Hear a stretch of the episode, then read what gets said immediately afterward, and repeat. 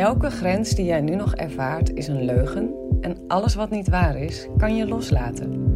In deze podcast ga ik je helpen je bewust te worden van die illusionaire grenzen en we gaan ze samen stuk voor stuk loslaten. Je gaat in deze podcast door middel van de antwoorden op de vragen van mijn deelnemers ontdekken en ervaren wie jij werkelijk bent.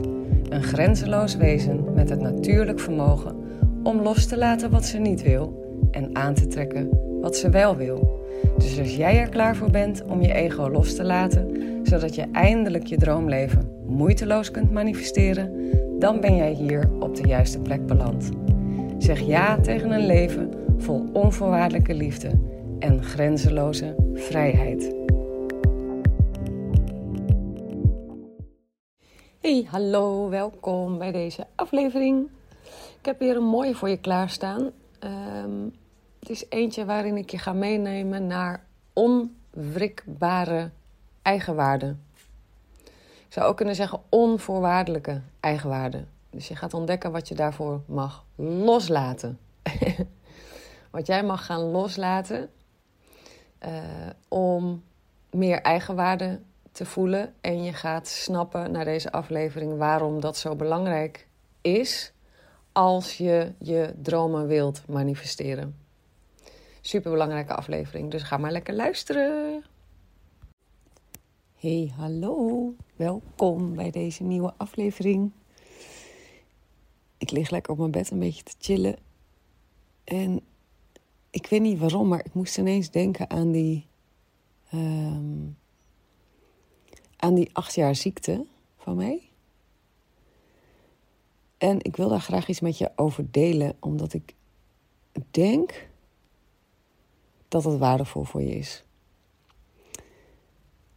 Ik ben, ik ben dus die acht jaar ziek geweest. Van mijn dertigste tot mijn 38ste.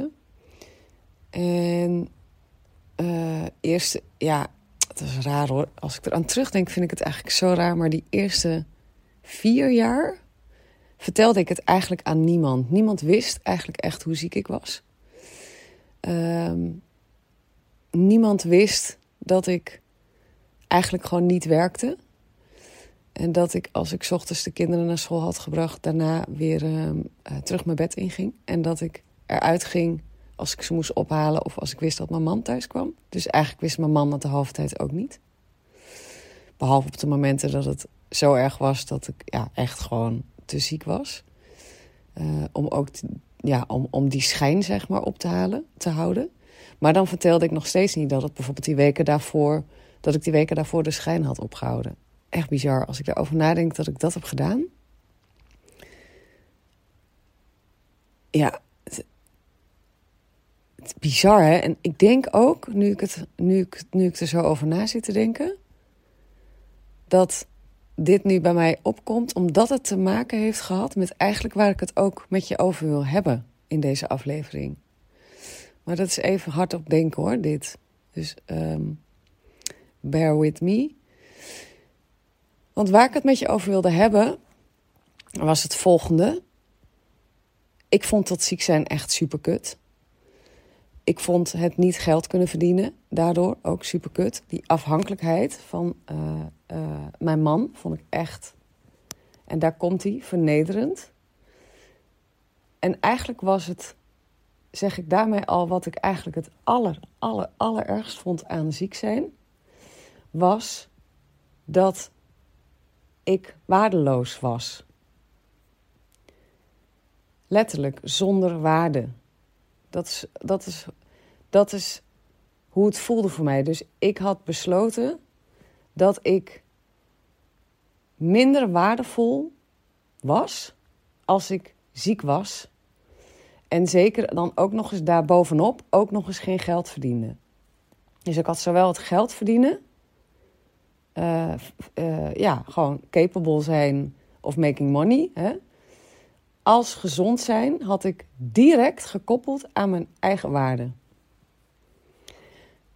En het was precies dat gevoel wat er ook voor kon zorgen dat ik op een gegeven moment uh, langs de zee liep en letterlijk bij mezelf dacht: ik kan er eigenlijk gewoon beter inlopen en zo ver zwemmen dat ik niet meer terugkwam, kan.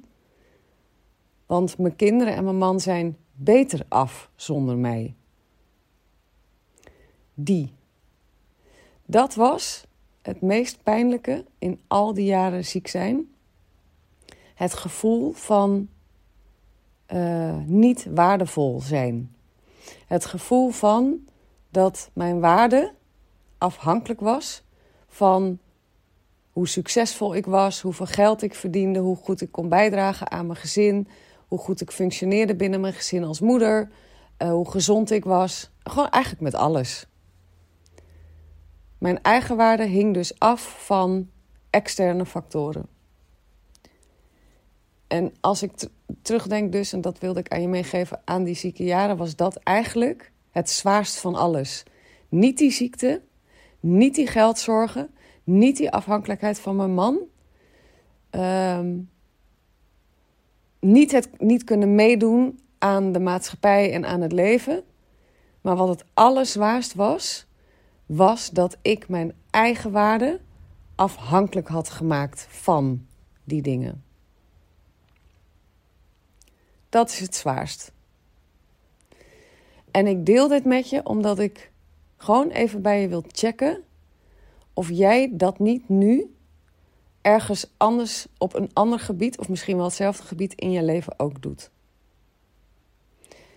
Ik wil je eigenlijk gewoon bewust maken van wat je misschien aan het doen bent. Ben jij ook, net als ik deed, je eigen waarde aan het laten afhangen van geld, gezondheid, of je wel of geen relatie hebt, of je wel of niet je moederschap doet zoals je denkt dat het zou moeten, of je wel of niet.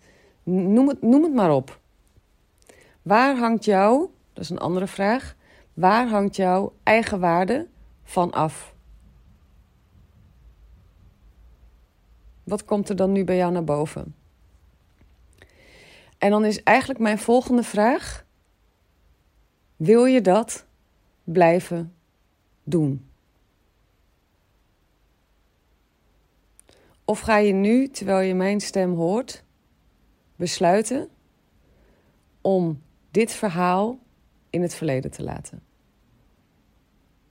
Om te stoppen met jouw eigen waarde afhankelijk te maken van iets anders.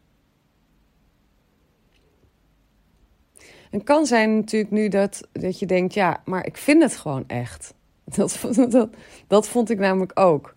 Maar dat is dus het ego. Hè? Als, je, als, je dat, als dat je reply is, dat je antwoord is, ja, maar kut, ik vind het ook gewoon echt. Ik vind mezelf ook gewoon echt waardevoller als ik meer geld verdien. Ik vind mezelf ook gewoon echt waardevoller als ik dunner ben of gezonder ben of wat dan ook. Hè? Of mooier, misschien heeft het met je uiterlijk te maken. Maar sta gewoon dan heel even nu samen met mij daarbij stil. En kijk eens of je die gedachte gewoon even er helemaal kan laten zijn. Dus die overtuiging van ik ben pas echt waardevol als, puntje, puntje, puntje. En voel gewoon eens hoe het voelt om daarin te geloven. Voel eens hoe het voelt om deze persoon te zijn die zichzelf deze identiteit heeft aangenomen. Want dat is wat je gedaan hebt. Het is namelijk geen waarheid. Het is een, je hebt besloten iets te geloven. En je hebt jezelf daarmee geïdentificeerd. En je bent, het is misschien ook wel gewoon een automatisme geworden. Maar daar wil ik je dus juist uithalen door je deze vraag te stellen. Wil je dit blijven geloven? Wil je zo door het leven lopen? Wil je op die manier met jezelf omgaan? Zou je, eh, ik weet niet of jij kinderen hebt, maar zou je dit ook tegen je kinderen zeggen? Dat is ook altijd wel een mooie spiegel. Zou je je kinderen dit leren? Van ja, je bent pas waardevol als je een goed salaris hebt, of als je pas dit of als je pas dat. Alleen dan vind ik je pas echt waardevol. Zou je dat zeggen tegen je kind? En als je dat niet tegen je kind zou zeggen, waarom dan wel tegen jezelf?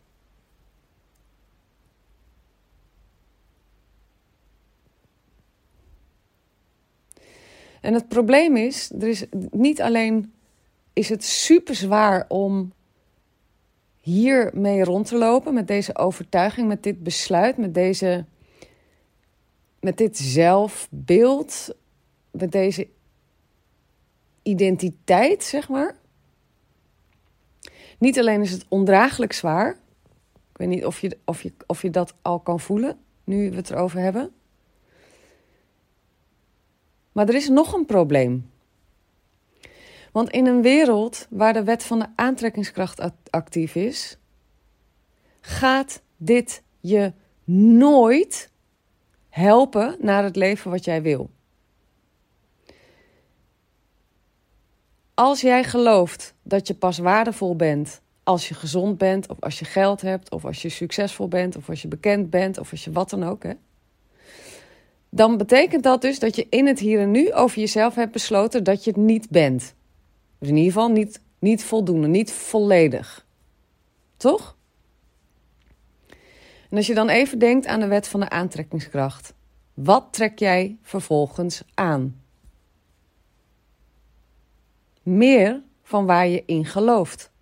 Je trekt aan wat je gelooft. Dus wat er gebeurt is dat je vervolgens een gezondheid aantrekt die reflecteert hoe jij denkt over jouw waarde. Dat je mensen aantrekt die reflecteren hoe jij denkt over jouw waarde. In het hier en nu, hè? Dat je financiën aantrekt die uh, reflecteren, die spiegelen aan jou hoe je over jezelf denkt. Hoe waardevol jij bent. Kan je dat zien? Dus als ik dat zo aan je heb uitgelegd, zou je dan opnieuw kunnen overwegen om eens te gaan besluiten om dat oude verhaal achter je te laten, in het verleden te laten liggen, eruit te stappen, van je af te schudden, het los te laten? Ja of nee? Hoe zou het voor je zijn om je gewoon nu al waardevol te voelen?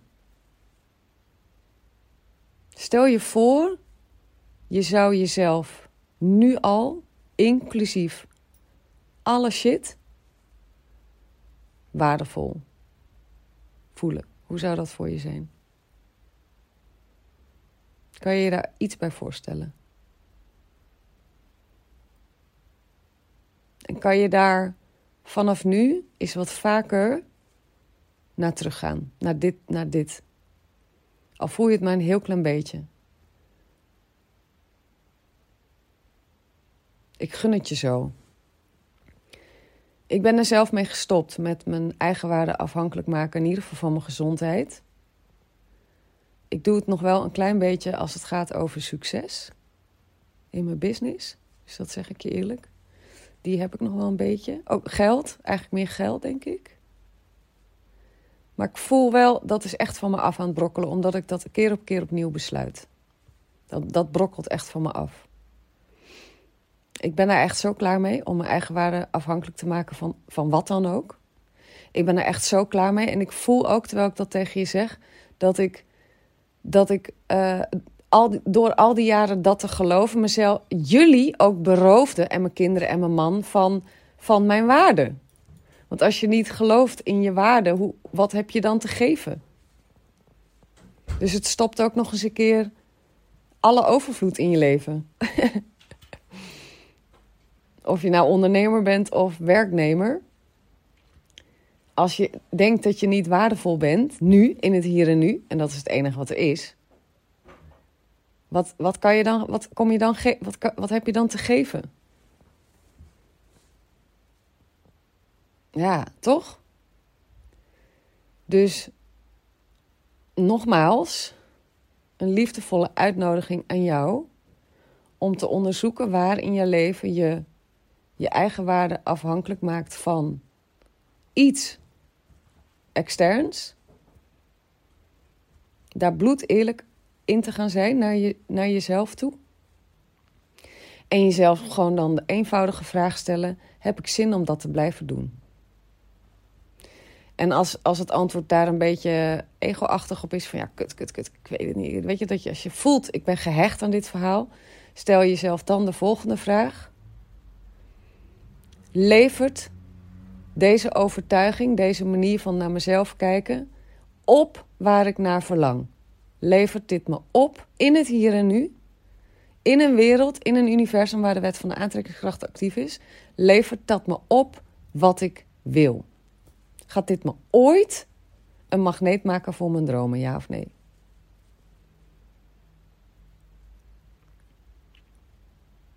Die wilde ik met je delen vandaag. Dikke kus en tot de volgende. Doeg, doeg!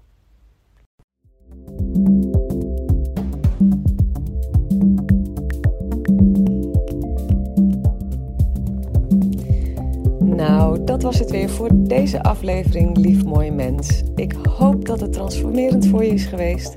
Als dat zo is, laat dan een review achter, zodat ik me aangemoedigd blijf voelen om meer moois voor je te maken. Ik doe het echt met ontzettend veel liefde en plezier.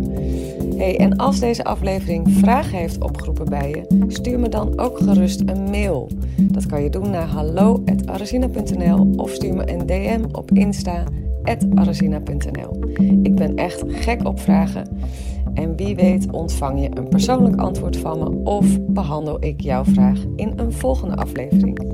Voor nu wens ik je in ieder geval al je mooiste dromen toe. Vergeet niet, je bent liefde, je bent onvoorwaardelijk geluk, je bent alles waar je naar verlangt, want je bent een magisch wezen vrij van elke grens.